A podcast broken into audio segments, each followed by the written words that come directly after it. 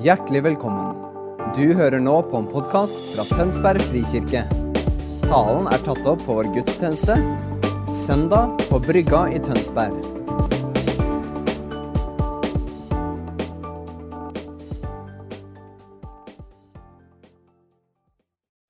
Tusen takk, Jesus, for ditt skapende nærvær.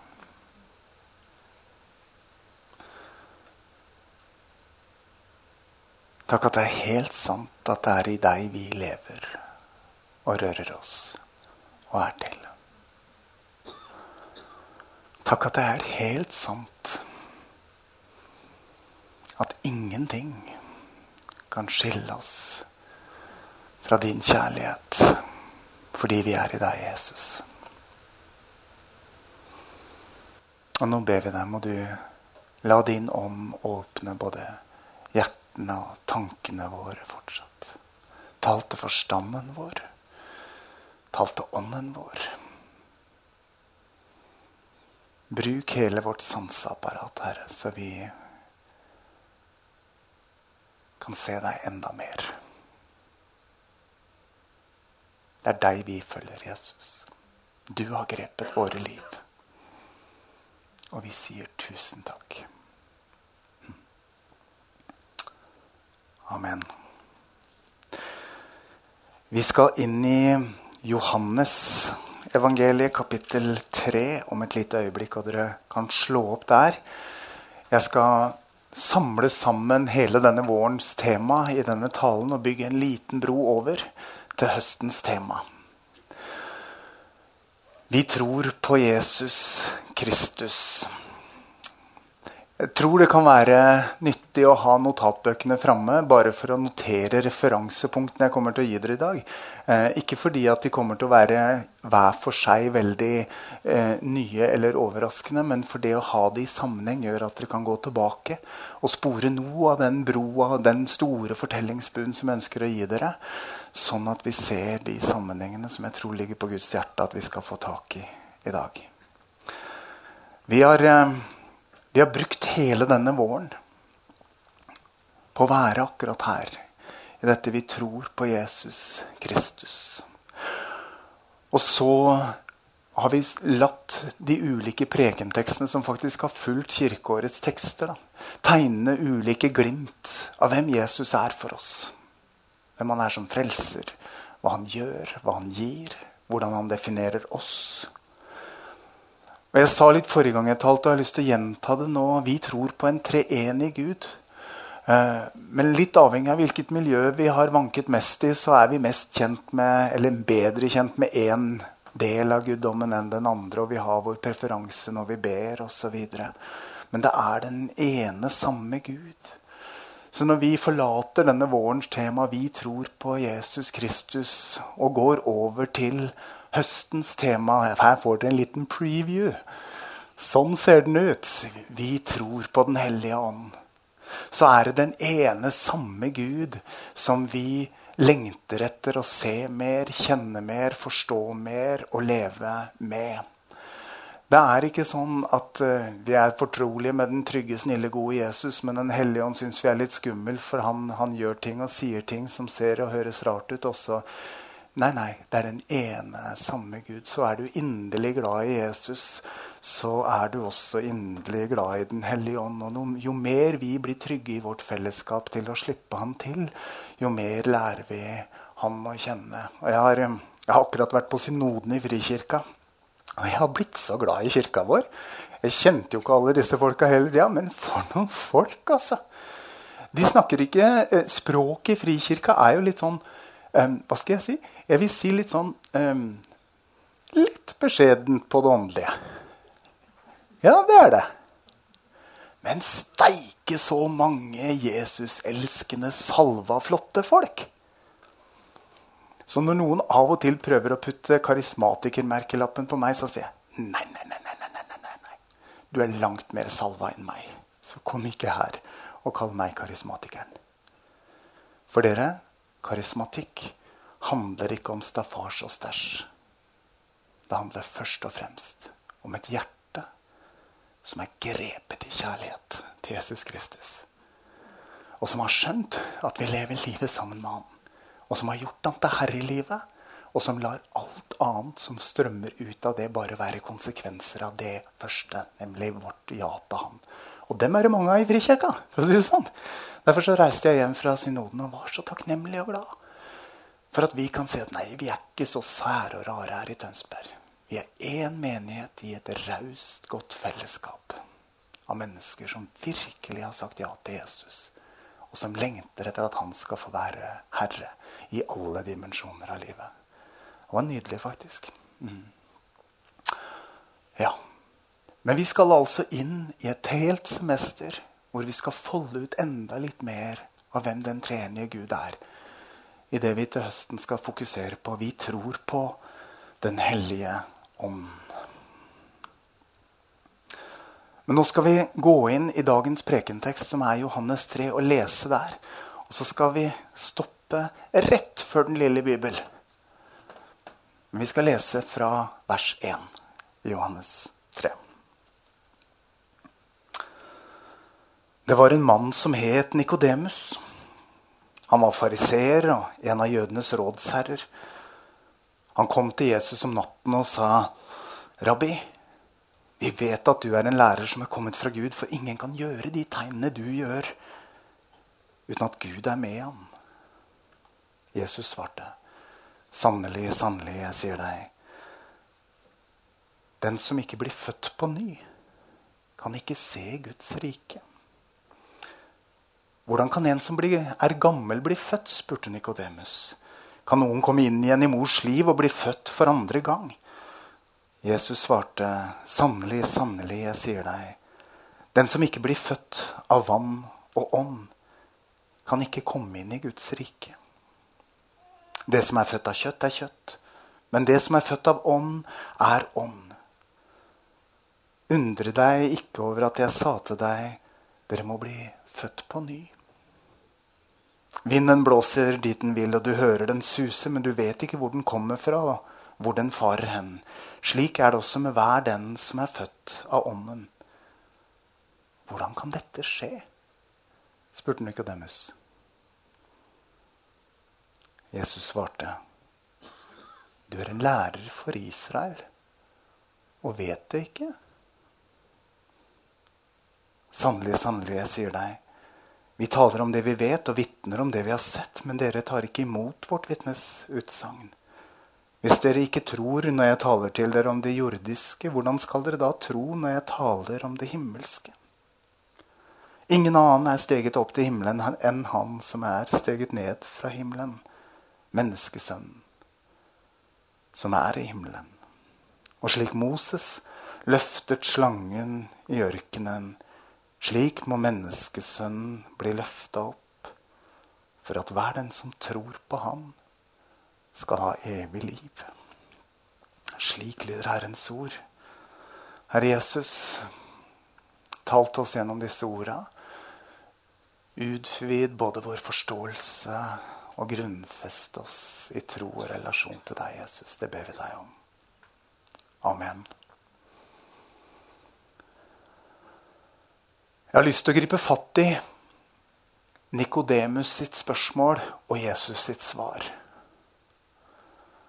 Hvordan kan dette gå til? Hvordan kan dette bli til? Og så stopper Jesus han. Så sier han, 'Du er en lærer i Israel, og så vet du det ikke.' Og vi har jo fortellingen der den fortsatte. Det hadde ikke Nikodemus. Vi har Det nye testamentet. Og vi har en god del flere sammenhenger. Men av og til lurer jeg på om også vi kan befinne oss akkurat der i Nikodemus sin plass. Hvor vi har all unnskap, men ikke helt klarer å trekke strekene mellom punktene. Så vi ser ikke hele bildet. Og det er akkurat det som skjer med denne Nikodemus. Som altså kommer til Jesus om natta i ly av mørket. Hvorfor det? Selvfølgelig fordi den tredje Gud har begynt å røre ved hjertet hans. Og det er et eller annet med denne Jesus som har begynt å bevege denne mannen. Og vi ser han igjen seinere i evangeliet også, hvor han sier vær nå ikke så forsiktig, vær nå ikke så bestemte. Tenk om det er Gud som Skjønner dere? Nikodemus er på sporet av noe, men allikevel så ser han ikke. Og det kan virke som om Jesus er litt barsk mann når han sier du er en lærer i Israel, og så vet du det ikke. Der skal vi ta utgangspunkt når vi skal snakke om Jesus. Vi tror på Jesus Kristus, som gir oss nytt liv. For hva er det Nikodemus på en måte lar feide ut av synsfeltet? Jo, hele den store fortellingen. Nå må jeg dosere litt teologi for dere i begynnelsen. Og Hvis dere syns det er morsomt, så skriver dere ned og googler. og så kan dere lære mer, og Hvis dere syns det blir for teknisk, så hopper dere over. Men dere treenighetslæren er noe av det sentrale i vår tro. Um, og, og, teologene de, de, skiller, eller snakker om treenighetslæren som en immanent treenighetslære og en økonomisk treenighetslære. Og jeg skal forklare dere veldig kjapt forskjellen.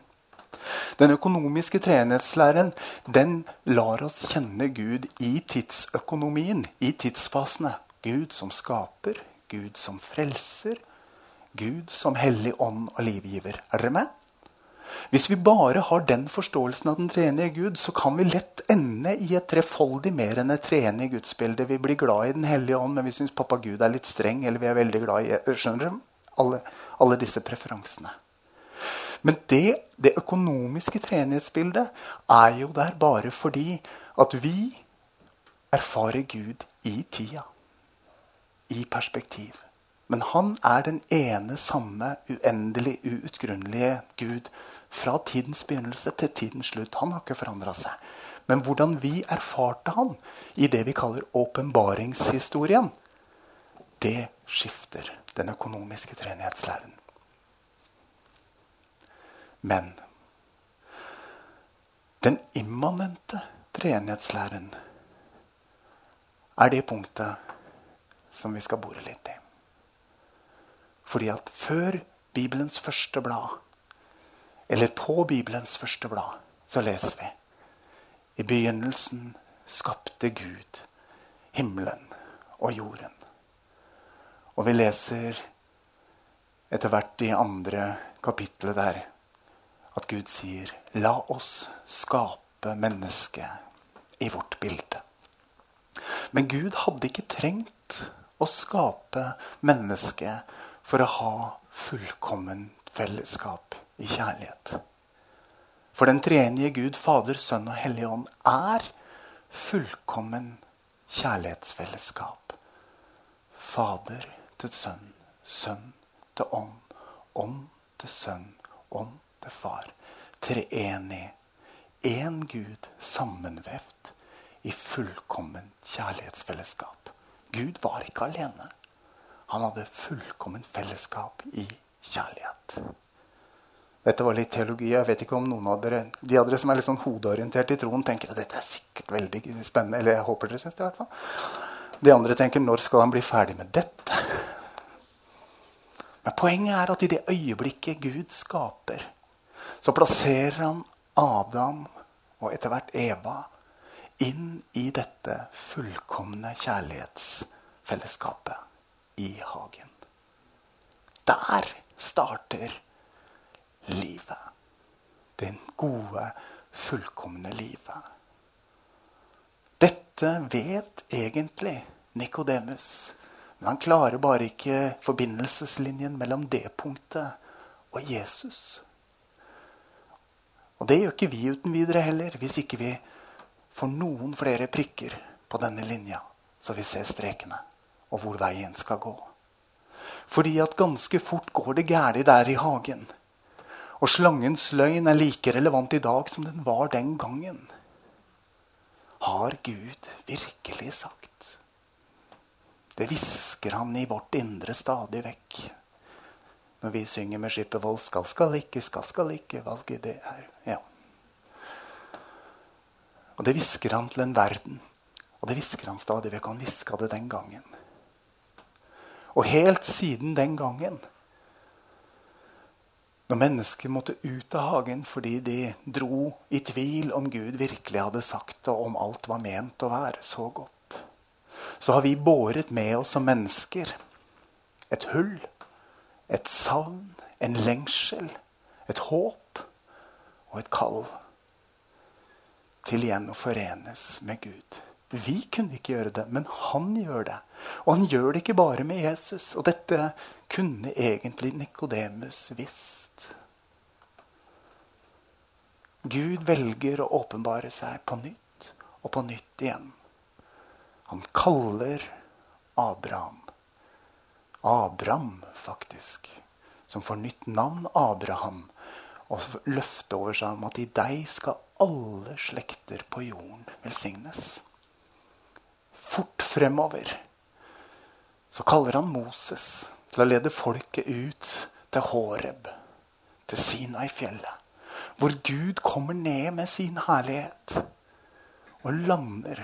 Folket står og skjelver på sletta og sier, 'Gå du, Moses, vi går ikke.' Han kommer ned med steintavler i handa og lysende ansikt fordi at noe av Herrens herlighet har landa på mannen. Seinere får vi telthelligdommen, tabernakelet, paktsarken, som bærer Guds hellige nærvær på en sånn måte at når denne stakkars mannen Ussia skulle hevle det hele i det paktsarken er i ferd med å gå over ende, så forgår han bare ved å røre ved Herrens herlighet. Så leser vi kjapt videre og dette visste også Nikodemus. At Gud fortsatt valgte og sa 'Jeg vil bo i deres midte. Jeg er Gud med dere'. Så han fyller tempelet, Salomos tempel. Herrens herlighet kommer ned over tempelet. Og før tempelet er innvia, så har til og med Davids tabernakel vært et begrep. Bare paktsarken og ansikt-til-ansikt-tilbedelse. Hva er det det er snakk om? Og det er snakk om den treenige Gud som i kjærlighet etterjager oss mennesker. Fordi han vil relasjon, og han vil fellesskap med oss. Så utover i profetene så begynner Gud å forberede oss på det som skal komme i Jesus. Esekiel 36. Esekiel roper ut at det skal komme en tid hvor han tar steinhjertene ut og gir dere kjøtthjerter i stedet. Og i Joel 3 sier Gud gjennom profeten en gang skal det skje at jeg utøser min ånd over alle mennesker. Og deres sønner og døtre skal profetere, og de gamle skal drømme drømmer, og de unge skal se syner. Denne store fortellingen som Nikodemus kjente, men som han ikke klarte å forbinde med Jesus, er fortellingen om Gud som etterjager sitt folk i kjærlighet. Om en Gud som er trofast. Trofast til sitt ord, trofast til sine løfter. Som etterjager oss med sin godhet.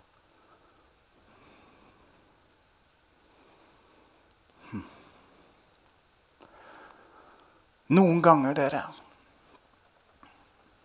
Her har jeg satt opp noen bilder. Noen ganger så erfarer vi i vårt liv at vi er i kontakt med noe av det fullkomne og perfekte. Jeg har satt opp en solnedgang over skjærgården ute ved Bolærne, for det er, det er, en sånn touch av himmel for meg. da. Også en dag på vidda er det samme. Men jeg må også si i det øyeblikket vi får ta imot livets gave, eller jeg kjenner at jeg er kobla til et annet menneske, hjerte til hjerte. Og det er et eller annet i den tilknytningen med den andre hvor vi kjenner at dyp kaller på dyp, og så er det akkurat som om det blir hellig stund fordi to mennesker kommer inntil hverandre i forståelse og kjærlighet. Og det handler ikke bare om de to som elsker hverandre. Denne erfaringen kan vi ha i mange andre relasjoner også. Plutselig får vi en fornemmelse av nå er vi på hellig grunn. Og for meg dere, er det som et ekko fra hagen. Derfra vi kommer alle sammen. Hvor det en gang var fullkomment, hvor alt var vakkert, hvor alt var godt. Hvor det var fullkommen kjærlighet og fullkommen glede, og alt stemte. Noen ganger både i naturen, for hele skaperverket forkynner hans pris, Og i det som skjer mellom oss, så får vi av og til en fornemmelse av noe som går dypere, noe som er hellig, noe som er vakkert. Noe Gud gjør mulig. Følger dere meg? Blir, eh, det blir ikke bare parafrase, det her. Da er vi i kontakt i det naturlige med det nye livet. Det nye livet som Jesus gir oss. Nå skal jeg si noe, hør meg riktig. Jeg skal aldri kritisere vekkelsestradisjonen. Jeg opplever meg som en del av den, og jeg vil alltid være i den. Men utfordringen med vekkelsestradisjonen er at den har lett for å trekke en strek og definere et før. Før var jeg en synder. Nå har jeg Er dere med? Men problemet med den greia der er at det blir så punktuelt. Og når jeg da begynner å snuble litt lenger borti gata etter at jeg var slutta å være en synder, så går det ikke helt opp. Og da får vi gjøre det en gang til. Men da var jeg vel sannsynligvis ikke frelst i mellomtida der. Og så, ser dere? Og så, og så går det i tull i tanken. Men det Jesus gjør for oss når han kommer Det er dette han prøver å forklare til Nikodemus når han sier 'Jeg har kommet for at hver den som tror på Han, står det, meg, skal ha evig liv'. Og det er mitt håp i dag å formidle det til oss at vår frelsesvisse er forankra i Kristus en gang for alle, og vi faller ikke ut og inn av nåden. Vi er frelst i kraft av et ord og vårt ja til den Gud som i kjærlighet etterjager hvert menneske, som har gjort det fra tidenes morgen for å hente oss tilbake igjen inn i det fullkomne fellesskapet, kjærlighetsfellesskapet, som han er. Og som han ønsker å etablere. Og da kan vi, dere som noterer, ta inn alle disse Nytestamentet-fortellingene som ikke Nikodemus hadde. Vi kan ta inn apostlenes gjerninger 2, pinsedag og åndsutgytelsen. Vi kan ta inn Johannes 15 vintre og greinene. Jesus sier 'dere er greinene, jeg er vintreet'. Første kor tolv. Jeg er kroppen, dere er lemmene. Efeserne tre. Fylden av Herrens herlighet som en gang landa i en telthelligdom, som en gang var i et Sinai-tempel, som nå lander på oss, som er Herrens kropp i vår tid. Her og nå. Og det var akkurat det Jean Sebastian hadde grepet så fantastisk i sangen sin. Ser dere sammenhengene? Det er dette som går Nikodemus hus forbi, men som er kjernen i vår tru og vårt liv og vårt fellesskap sammen med Jesus. Han som har kommet for å frelse oss fra et liv som blir som et for de av dere som er filosofisk interesserte, et platonsk skyggebilde. Livet uten Jesus er som å leve livet i en mørk kule og se alt som foregår utenfor, i et speil. Det er helt sant.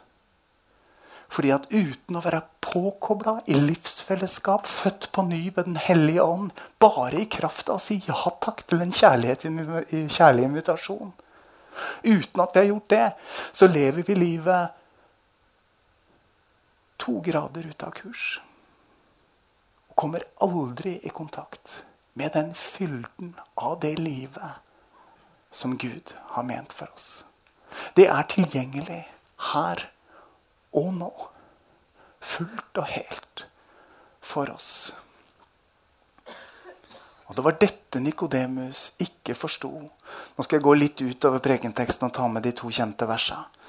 Fra 16 og 17. For så høyt har Gud elska verden at han ga sin sønn den enbårne og enbårne, for at hver den som tror på ham, ikke skal gå fortapt, men ha evig liv. Og så kommer det Gud sendte ikke sin sønn til verden for å dømme verden, men for at verden skulle bli frelst ved ham. Den som tror på ham, blir ikke dømt. Og den som ikke tror, er allerede dømt fordi han ikke har trodd på Guds enbårne sønns navn. Og dette er dommen. Lyset er kommet til verden. Men mennesket elsket mørket høyere enn lyset fordi deres gjerninger var onde. Og så fortsetter han videre. Jeg ønsker å formidle til oss i dag, dere, at vi lever livet vårt. Når vi har sagt ja til Jesus, så lever vi livet vårt i nåden. I kjærligheten og i tilgivelsen. Og det er ingenting vi kan gjøre for å ramle ut av den nåden, annet enn å vende Gud ryggen og forsake troen og gå bort i vårt eget. Vi har muligheten, vi har friheten. Men veldig mange av oss jobber mer i det landskapet hvor vi tror så godt vi kan, og allikevel lurer på om det holder. Ikke sånn når vi tenker, for vi kan troslæren, så vi skjønner at den matematikken går opp. Men kjenn etter i ditt eget liv. For jeg snakker ikke om teologi i dag. Vi snakker om at vi tror på Jesus Kristus, som gir oss evig liv. Er dagene dine planta midt i denne strømmen av herlighets- og evighetsliv ifra himmelen? Jeg snakker ikke om himmelbilletten. Den er sikra for deg i det øyeblikk du sier 'jeg tror på Jesus Kristus'. Men vi trenger hele tiden å leve i den fornyende, pulserende, dynamiske strømmen av liv som Gud ved sin ånd fornyer og forløser i våre liv. La meg ta opp to aspekter. Det ene er knytta til barnekårets ånd. Da er vi i Romerne 8, og vi er i Galaterne 4, for dere som ønsker referansene. Kjenner du fra dypet av ditt indre at du er elska av Gud?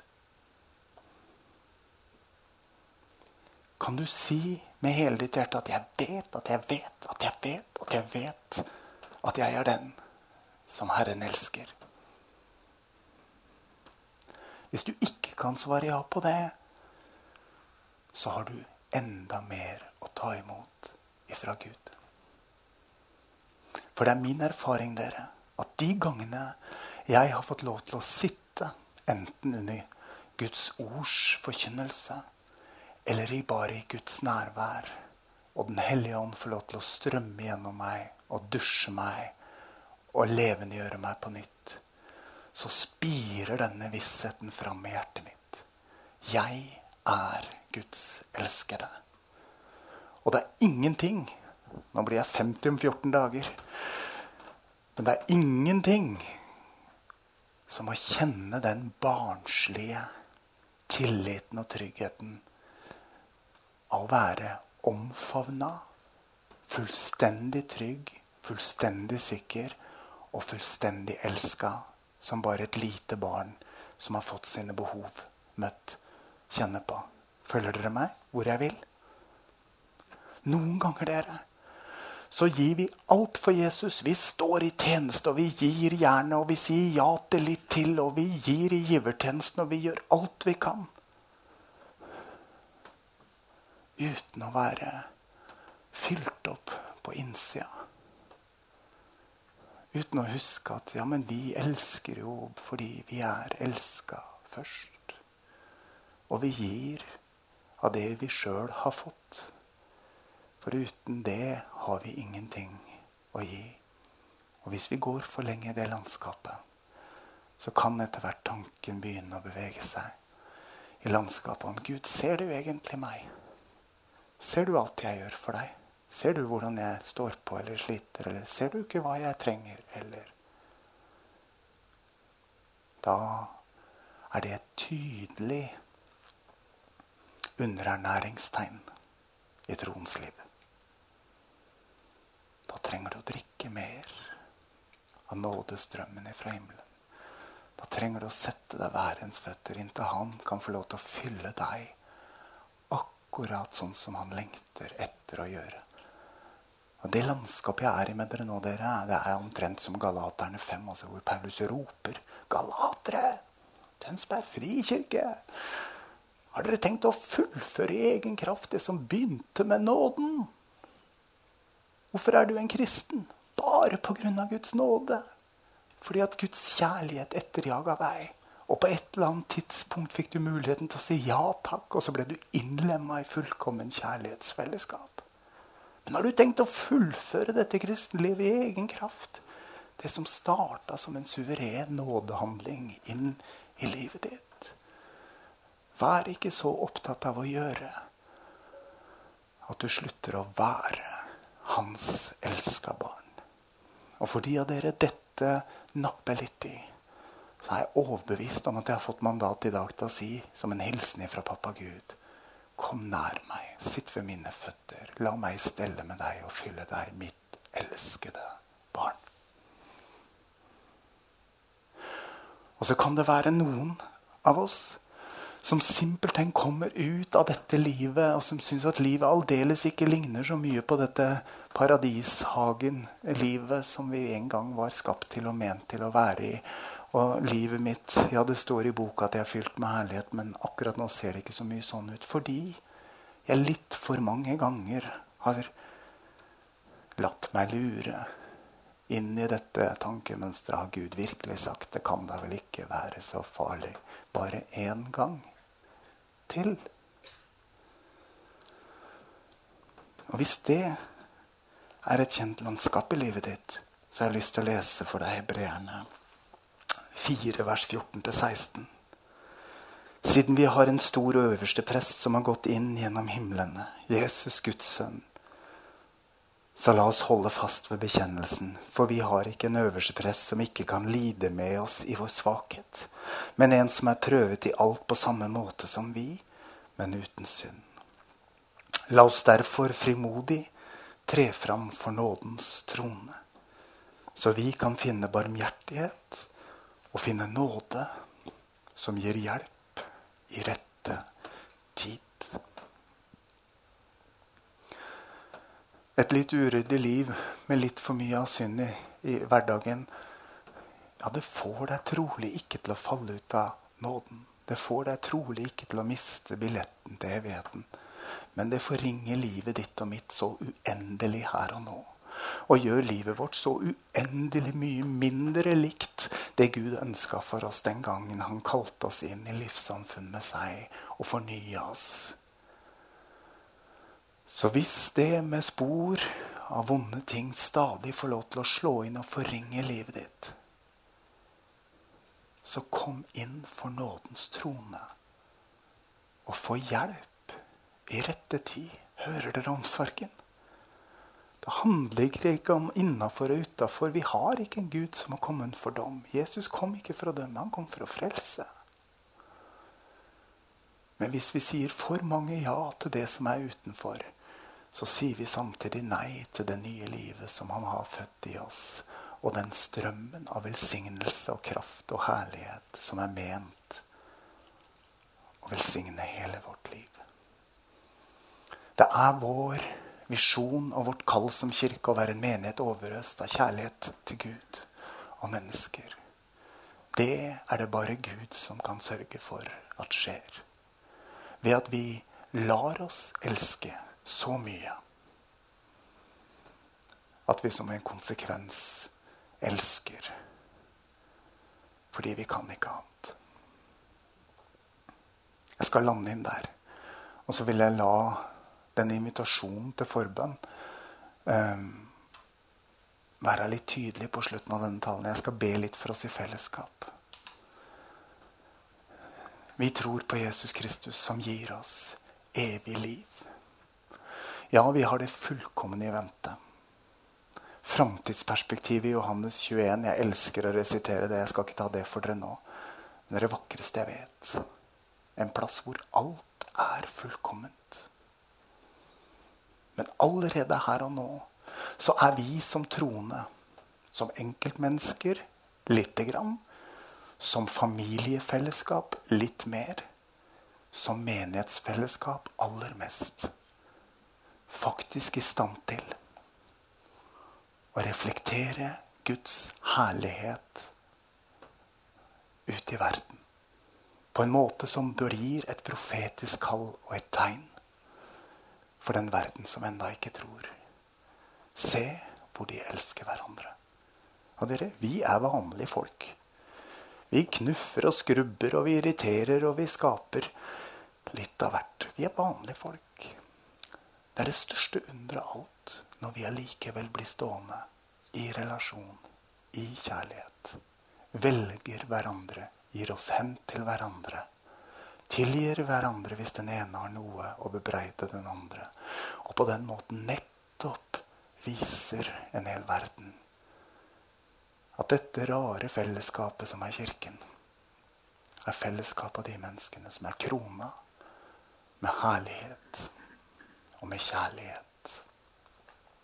Og som peker fram Nei, jeg klarer ikke la være. Skal vi ta med oss åpenbaringen 21 allikevel? Som peker fram mot dette vakre løfteslandet som er tilbake der det starta. Edens hage og det fullkomne. Og jeg så en ny himmel og en ny jord. For den første himmel og den første jord var borte, og havet var ikke mer.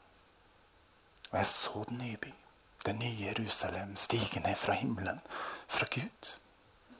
Gjort i stand og pynta som en brud for sin brudgom. Fra tronen hørte jeg en høy røst som sa, Se, Guds bolig er hos menneskene. Han skal være hos dem, og de skal være hans folk. Og Gud selv skal være hos dem. Han skal tørke bort hver tåre fra deres øyne. Døden skal ikke være mer. Heller ikke sorg eller skrik eller smerte. For alt det som før var, er borte. Og han som sitter på tronen, sa da til meg, se, jeg gjør alle ting nye. Kjære venner. La Han som sitter på tronen, hver dag, så lenge vi lever på den sida, få lov til å velsigne deg med og berøre deg med sin nådestrøm. Og gjøre alle ting nye for deg. Inntil vi når fram til det som er vårt håp. Og Guds plan med det hele. Skal vi be litt sammen?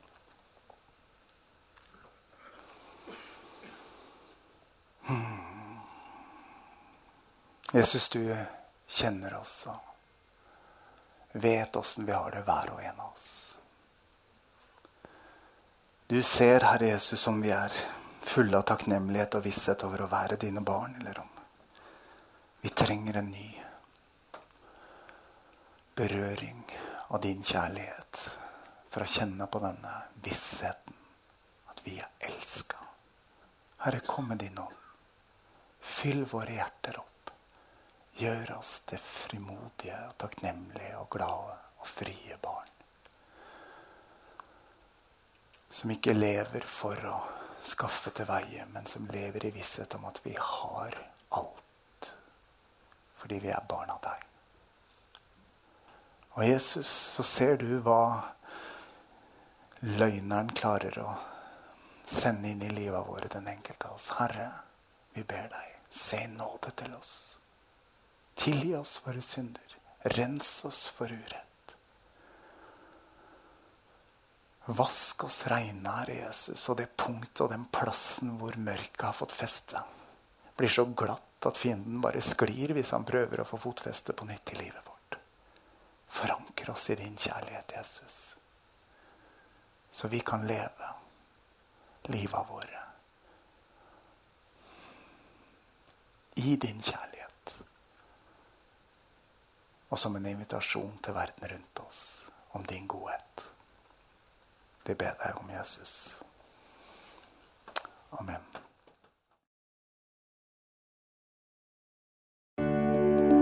Takk for at du hørte på vår podkast. Har du spørsmål eller ønsker du å vite mer? Søk oss på vår nettside tonsbergfrikirke.no. Du er også velkommen til kirke på Brygga i Tønsberg.